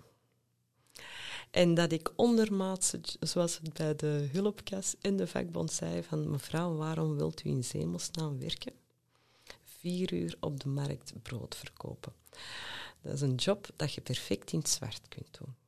Dan heb ik gezegd van, mijn brein laat dat niet toe. Dat is Ja. pertinent oneerlijk zijn. Ik zeg, daar lig ik dag en nacht vakker van. Dus, maar als je zo'n minimale job wilt doen en je wilt dan nog eh, bijpassing van uitkering hebben, dan moet je dat gaan argumenteren voor de RVA en dan word je drie maanden geschorst. Dus dan moet je eigenlijk al een goed systeem hebben om op eh, 86 euro in de maand overleven, maar dat is mij gelukt. En dan was ik nog zo dom van binnen die drie maanden nog eens een huishoudjobfunctie te hebben. dat is dat systeem terug drie maanden on hold gezet. Dus ik heb een half jaar Wow. op, eh, op, op, op eh, een, een 250 euro overleefd. Maar dat is gelukt. Ik word er stil van. Maar dat is een bewijs dat het systeem, als je eigenlijk wilt, meedraaien in de maatschappij. Want ik vind werken heel belangrijk. Kunnen werken, heel belangrijk. Ehm, dat heeft voor u zelf zo'n boost. Dat, dat heeft voor u welbevinden, voor uzelf, de ander en in de maatschappij zo'n belangrijke functie. En ze maken het mensen zo moeilijk. Ze hebben effectief, ik heb dat op papier, zowel bij de vakbond als de hulpkas. De hulpkas is aan de, de staatsvoorziening voor uw uitkering. Die mij met hand en tand proberen na te leggen waarom wilt u zo'n jobs gaan doen met zo'n hoge titel dat u Jouw hebt CV. behaald Ja. en zo'n jobs dat u ervoor komt. Ik zeg, ik kan die niet meer uitvoeren. Technisch kan ik niet meer mee. Eh, en ze zei dan ook nog van, en u hebt dezelfde, de juiste huidskleur en de juiste achternaam. Niemand gaat u komen verdenken dat jij in het zwart werkt. Dat ik zei, ja, maar dat is juist het probleem. Jezus. Ik ben moreel inflexibel. Ja. ik voel mij slecht als ik vals moet spelen. Weer al niet geaccepteerd door het systeem. Oh, maar dan vind ik dat helemaal niet erg, want dan ga ik daar dus Dat is de wel rode lap voor. voor jou. Ja. Ja, rode lap, ik weet In- het niet. in In, de positieve ja, zin. Ik heb gewoon zoiets van, yeah, ik ben poetsvrouw. Hoe, hoe gaat dat dan in zijn werk in jouw ehm, sociaal, vriendschappelijk en liefdesleven? Ehm, dan bedoel je het concept levenspartner. Ehm, ik heb geen levenspartner op dit moment in mijn leven. Eh, ik heb samen met iemand een kind op de wereld gezet. En, en de grootste ambitie... Wij waren geen goede levenspartners. Oké. Maar op het einde van onze relatie is er dan toch een kind eh, gekomen. En dan heb ik de focus gelegd op... Wij gaan goede ouders zijn voor dat kind. De optie standaard is blijkbaar vechtscheiding. er lagen zo twee standaard eh, eh, scenario's klaar. En dan heb ik eh, daar een derde plan voor gemaakt en gezegd van wij gaan voor harmonieus co-ouderschap. En, en ik ben zot verklaard door een aantal advocaten van u bent naïef en je moet leren vechten. En, en, en dat ik zei van kijk, dames en heren, ik zeg die energie over dat verdriet, hè, dat, dat het ons niet gelukt is van levens... Wij zijn geen slechte mensen, geen een van ons twee. Wij kunnen alleen niet samen optimaliseren hè, van alle, alle bagage dat je hebt meegesleurd in je leven. En, en wij gaan ons concentreren op aangename ouders voor ons kind te zijn en met elkaar aangenaam te communiceren. En daardoor gaan wij apart wonen. Eh, en wij hebben geen verlangen om ooit nog samen terug als koppel te zijn, maar wij gaan voor de rest van ons leven ons focussen op ouderschap en aan onszelf werken en ons kind. En dat is een triple win. Die mij zot verklaard. Maar dat is... Ik, ik ik, dat blijft... Zelfs, zelfs de bemiddelaar en een, een jeugdrichter die mij helemaal zot verklaard. dat ik zei van... van eh, zo gaan we het toch doen? Ik vind het ongelooflijk inspirerend. Er zouden verdorie veel koppels een voorbeeld En ik zou dat nemen. gewoon met plezier eens willen uitleggen. Want Ja? allee, eh, mijn dochter zegt het dan zelf. eh, mama, eh, we zijn nu tien jaar uiteen. V- vier jaar heb ik geprobeerd van, van, van dat samen met de papa op te lossen, maar dat was zo moeilijk. Om, dat lag aan alle partijen. Hè. Dat, dat. Niemand heeft de schuld. Het is, er is eigenlijk ook geen schuld. Het is altijd aandeel in. heel mooi. En dan ehm, zegt zij van, kijk, op school werd er nooit geloofd dat zij twee nieuwjaarsbrieven wou voor een mama en een papa, omdat ze dan zei van, dat is voor gescheiden ouders. En dan zei die van, mijn ouders zijn gescheiden. Dat geloven wij niet, want die komen te goed overeen. Geweldig toch? En dan hebben wij aan onze Josephine gezegd van, kijk liefje, die 50 cent mag je nu een spaarpot. Je gaat maar één een brief schrijven en lezen. Maar zij heeft kinderen in, in, in, in, in de klas en dit en dat, waar de ouders op hetzelfde moment zijn uiteengegaan en die zijn nog altijd aan het procederen. Vreselijk. Dus dat is ook energie, dat is negatieve energie. En dan zeggen die van, ah, al net chance. Dan zeg ik, nee, dat was kwestie van een goed plan te hebben. En een plan met een eh, perspectief dat eigenlijk altijd zo flexibel was in, dat is de standaard en dat is het doel. En zijn er nieuwe inzichten, maar dan is het doel. Ik zeg, en wij stoppen daar echt elke dag ook veel energie in, maar positief. Ja, ja positieve. Ja. Maar je bent een mooie kapitein in, in je eigen leven. Hè. Je bent echt je eigen koers aan het bepalen. Ja. Um, en, en het lukt wonderbaarlijk. Ja, ik vind het ja. ongelooflijk inspirerend voor, voor mensen die, die, die vastlopen en, en, en die voor de gekste emoties gaan procederen. En... Ik heb in diezelfde periode ook uh, een huis beginnen bouwen en dat is ook geresulteerd in een achtjarige rechtszaak, terwijl ik in eerste instantie gewoon naar een advocaat wou stappen om te zeggen van ik wil in de arbitragecommissie over samen gaan zitten met de, want ik was de bouwheer in, die, in dat aandeel, met de architect en de aannemer, want er zijn een paar punten in het plan en de, de meetstaat en de offertes die eigenlijk nu al een probleem gaan vormen in de uitvoering. En dat is geresulteerd in een achtjarige rechtszaak. En de uitspraak was aangezien mevrouw haar werf te nauwgezet heeft opgevolgd, zelf architect is geweest en niet adequaat gecommuniceerd heeft, is zij schuldig over de hele lijn. En dan heeft mijn advocaat achteraf gezegd van, uh, mevrouw, misschien kan u nu eindelijk zien dat het niet gaat om gelijk hebben, maar gelijk krijgen in de, deze wereld. En dan heb ik ook gezegd van,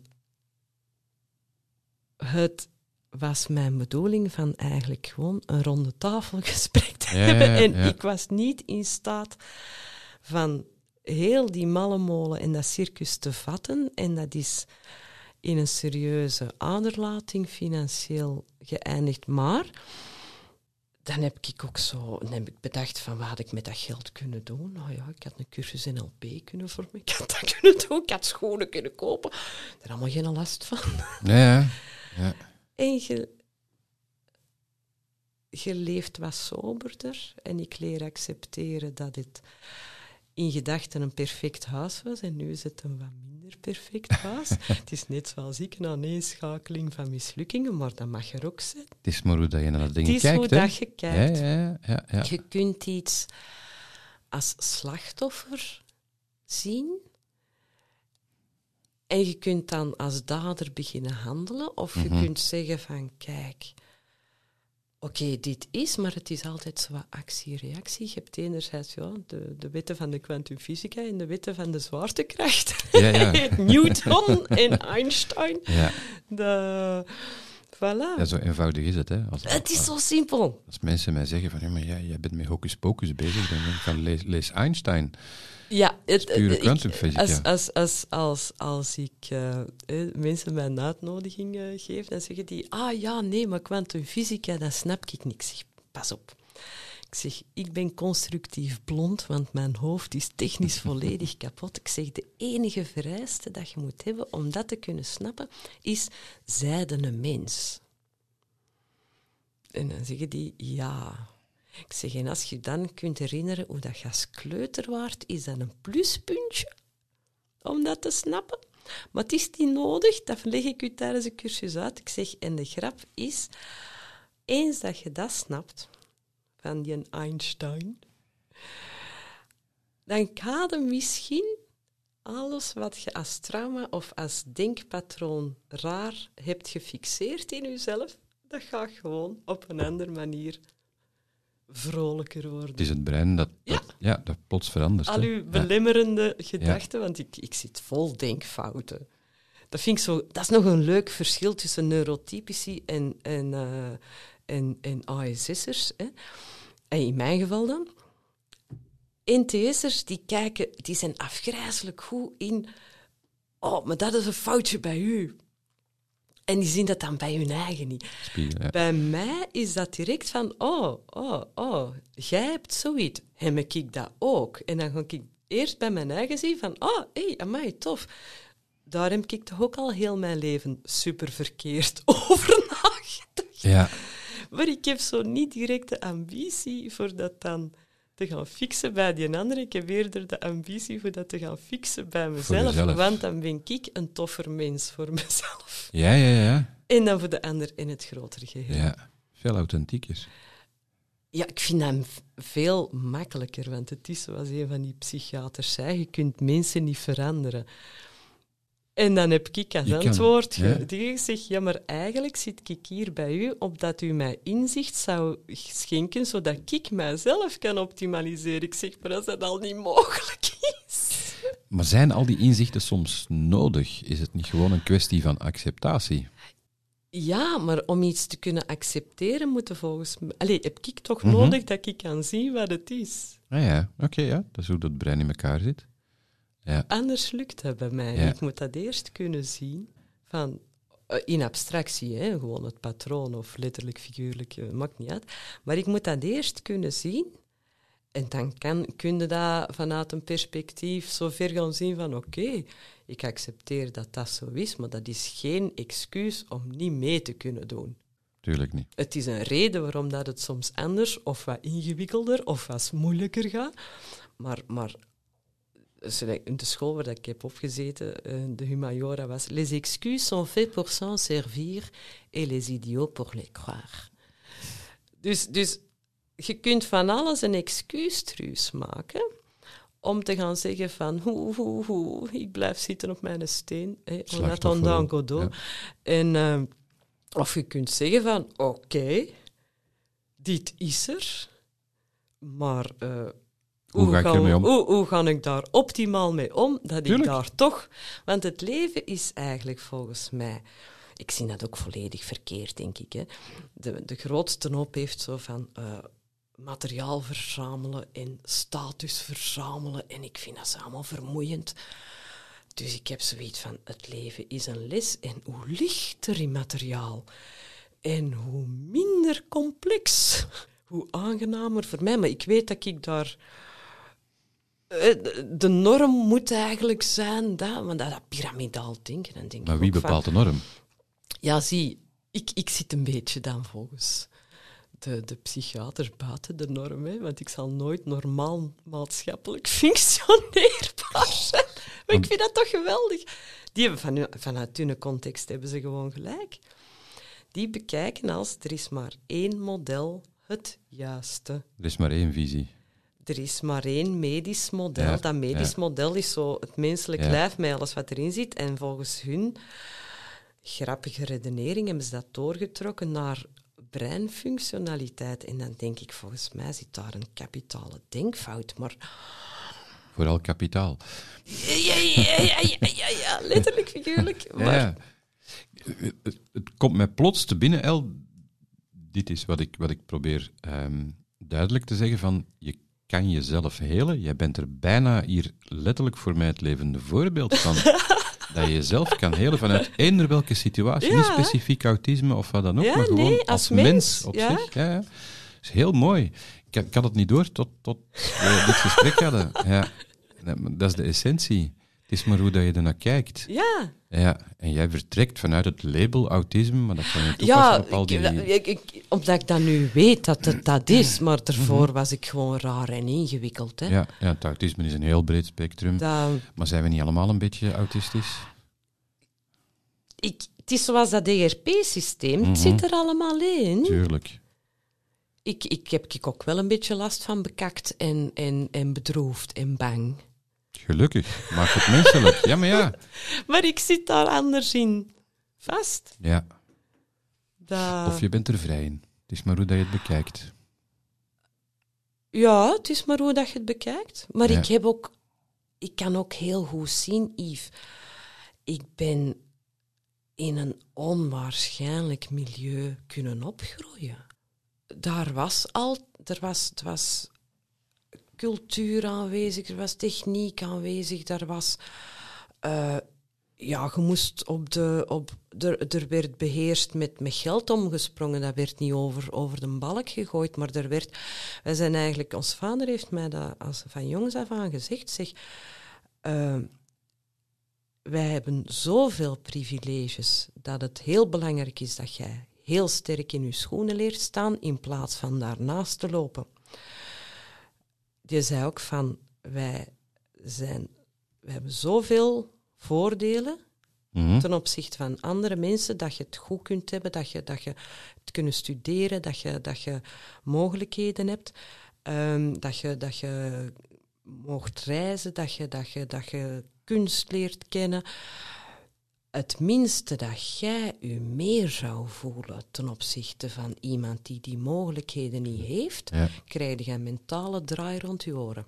mooi. En, en wij, ik heb vooral heb dat heel de paplepel ingekregen van wij, wij denken vanuit dienstbaarheid. Zonder zo de pilaarbidder te Ja, zijn. ja, Hè? ja, ja, volledig. maar, maar Ja. en dat vind ik eigenlijk nog een van de grootste waarden die mijn vader mij heeft doorgegeven. Van hoe fijn is het dat je sterk in je schoenen leert staan in plaats van ernaast te Ja, ja, ja, ja, ja, ja, ja, effectief. Maar dat is dat magische woordje, die dankbaarheid, hè, dat Ja. ook heel vaak in, in meditatie eh, Ja. naar voren komt. En, en dat is de essentie. Hè. De dankbaarheid, loslaten, al die, die, die, die clichés, maar die kloppen onvoorstelbaar. Ik, ik kan alleen maar als ik, als ik... Ik kan een verhaal van kommer en kwel vertellen over Mhm. mijn levensloop, maar ik kan gewoon zeggen van... Ik ben voor alles wat ik heb meegemaakt dankbaar. Mhm. Want ik heb het overleefd. En soms was het zo wel eens wat, wat krap en dit en dat en wat pijnlijk, maar ik heb het toch maar overleefd. Ja. En ik heb mij kunnen begrenzen in... in En zelf. Ja, Ja. Heb je het gevoel dat je nu aan het leven bent in plaats van het overleven? Dat ben ik nu, dat is mijn, mijn ding. Ik ben nu aan het leren genieten. Ik was echt een workaholic. En nu werk ik in plaats, hè, ik, in plaats van 50 uur in de week, werk ik nu 50 uur in de maand. dus dat wil Ja. zeggen dat de meeste mensen hebben een werkweek van vijf dagen. Ik heb een eh, weekend van vijf dagen. Ja. Dus ik werk effectief, ik poets op maandag en dinsdag. En dan werk ik nu aan mijn verhaal hè, voor Ja. dat te oefenen. En voor de rest doe ik vrijwillig werk. eh, Algemeen. algemeen. Ja. eh, En je bent aan het leven. Maar dat is leven voor mij. En ik vind Ja. het zo fijn van mijn dochter op te voeden. Ja. Ik vind opvoeden geweldig. Vergeet jezelf niet, hè. Nee! Ja. Dat is een fijne boodschap die je haar kan meegeven. Ja, ja, ja, maar dat is... Door het zelf toe te passen. Ik, ik probeer haar dat ook uit te leggen van, jij bent in de verste verte niet het verlengstuk van ons ego. Jij zijt Mhm. uzelf. Ehm, en, en mijn enige taak zit erin van u enerzijds praktisch als mens te leren wat dat je allemaal van taken en verantwoordelijkheden hebt in een leven. En, en wat je eigenlijk... Wat, het is eigenlijk een les. En het is, het is, er zal, zij studeert heel graag. Ze studeert veel te hard. En dan, dan hebben we dat Oei, leren counteren. l'histoire se répète. Ja, maar ik heb, ik heb er ook gezegd, zeg, zeg eh, als, als het, eh, ik zeg, je kunt even goed zo zwaar blokkeren in je hoofd, eh, dat je, dat je, dat je een eh, poetshulp gaat worden. hè. Ik zeg, dat is geen, dat is geen minderwaardige job. Ik zeg, dat is alleen een heel zware job. Ik zeg, leer je hoofd in balans houden en in Kan je erover praten? Ja, absoluut. Ja, ja, is mooi. Is mooi. Hoe oud is ze? Eh, Vijftien en half. Oeh, een leuke leeftijd, hè? Absoluut. Ja, ja, Geweldig. ja. Ja. Is één ding dat me nog intrigeert. Je Ja? zit de hele tijd dingetjes te tekenen. Ja, nee, ja, ik heb, ik had het begin gezegd, hè, mijn hoofd heeft alleen pas rust als ik zo pijltjes en, en, en cirkeltjes en daar naartoe. Fascinerend. eh, mocht ik dat straks aan iemand laten zien, dan zeg ik van, ah, dat was het gesprek dat ik met Yves had en daar hebben we het over gehad en daar hebben we het over gehad. Ik vond het ongelooflijk. Ik vond het ongelooflijk inspirerend. Ik had geen verwachtingen. En toch had ik in de tijd een gevoel toen we elkaar ehm, zagen van... Ja, er gaat ooit eens een babbel komen. Het is niet op café geworden, maar het is, het is hier in de podcast geweest. Ehm, en ik, ik vind het veel ehm, breder in de zin van... Oké, jij ver- vertrekt vanuit het autisme, wat ik ook zo'n stukje gaat communiceren. Want ik denk dat het belangrijk is dat je misschien ogen gaat openen of dat mensen het, een, een, het, het, het licht gaan zien. Eh, je bent ongelooflijk inspirerend. Dank u. Eh, ja, niet enkel voor, voor mensen met, met een stukje spectrum, met dat label autisme, maar gewoon van hoe je de dingen aanpakt, hoe diep dat je hebt gezeten, hoe dat je er vooral dan, vind ik heel fijn, op een, op een natuurlijke manier bent mee omgegaan. Eh, ik zie het weinig mensen jou nadoen hoor. Amai, dat is een serieus compliment. Ik meen het uit mijn hart. Het, het, het, ja, ja. Het, het is effectief niet de bedoeling dat ik het continu over autisme ga hebben. Zeker niet in mijn, in mijn eh, eh, cursus. Maar het is nu eenmaal zo. Ik moet het nog altijd leren loskoppelen, dat woord. Hè, omdat mensen... Maar eigenlijk gaat het gewoon over hoe kun je voor jezelf een aangename mens zijn. En voor de ander en voor het grotere geheel. Maar het begint bij jezelf. Voilà. Als de gong gaat, is het gesprek voorbij. Eerst zien en dan geloven. Nooit geloven zonder zien, ongeacht het besturingssysteem in je hoofd. Wanneer gaat het door? Op woensdag 15, 15 december Ja, in de vooruit, vooruit in. Boeghout. In Boeghout. Gaan we een Nadine pintje pakken, hè? er is een grandioos café naast. Dus ofwel in de foyer, Ja, ofwel een beetje verder in de Cali. ja. Ik had nog even vermeld, ik had ook op, op social Oh, media plaatsen woensdag 15 december 2021. Zet ik erbij omdat de podcast blijft staan en nadien Ja. ook wordt beluisterd.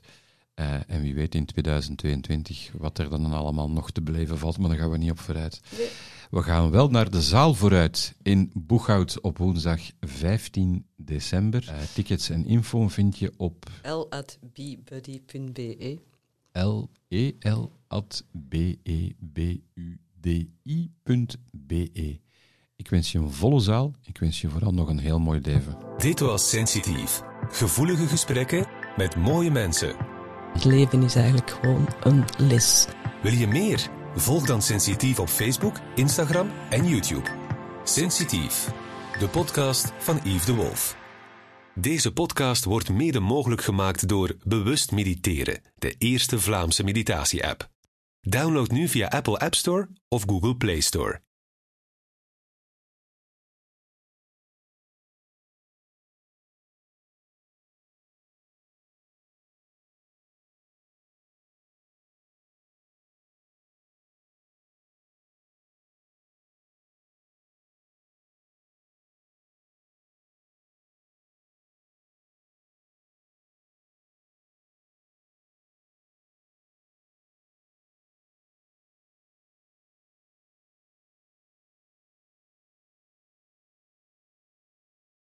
En, en eh, het, het begrijpen van jezelf is eigenlijk altijd wel een handige om te beseffen. Ja.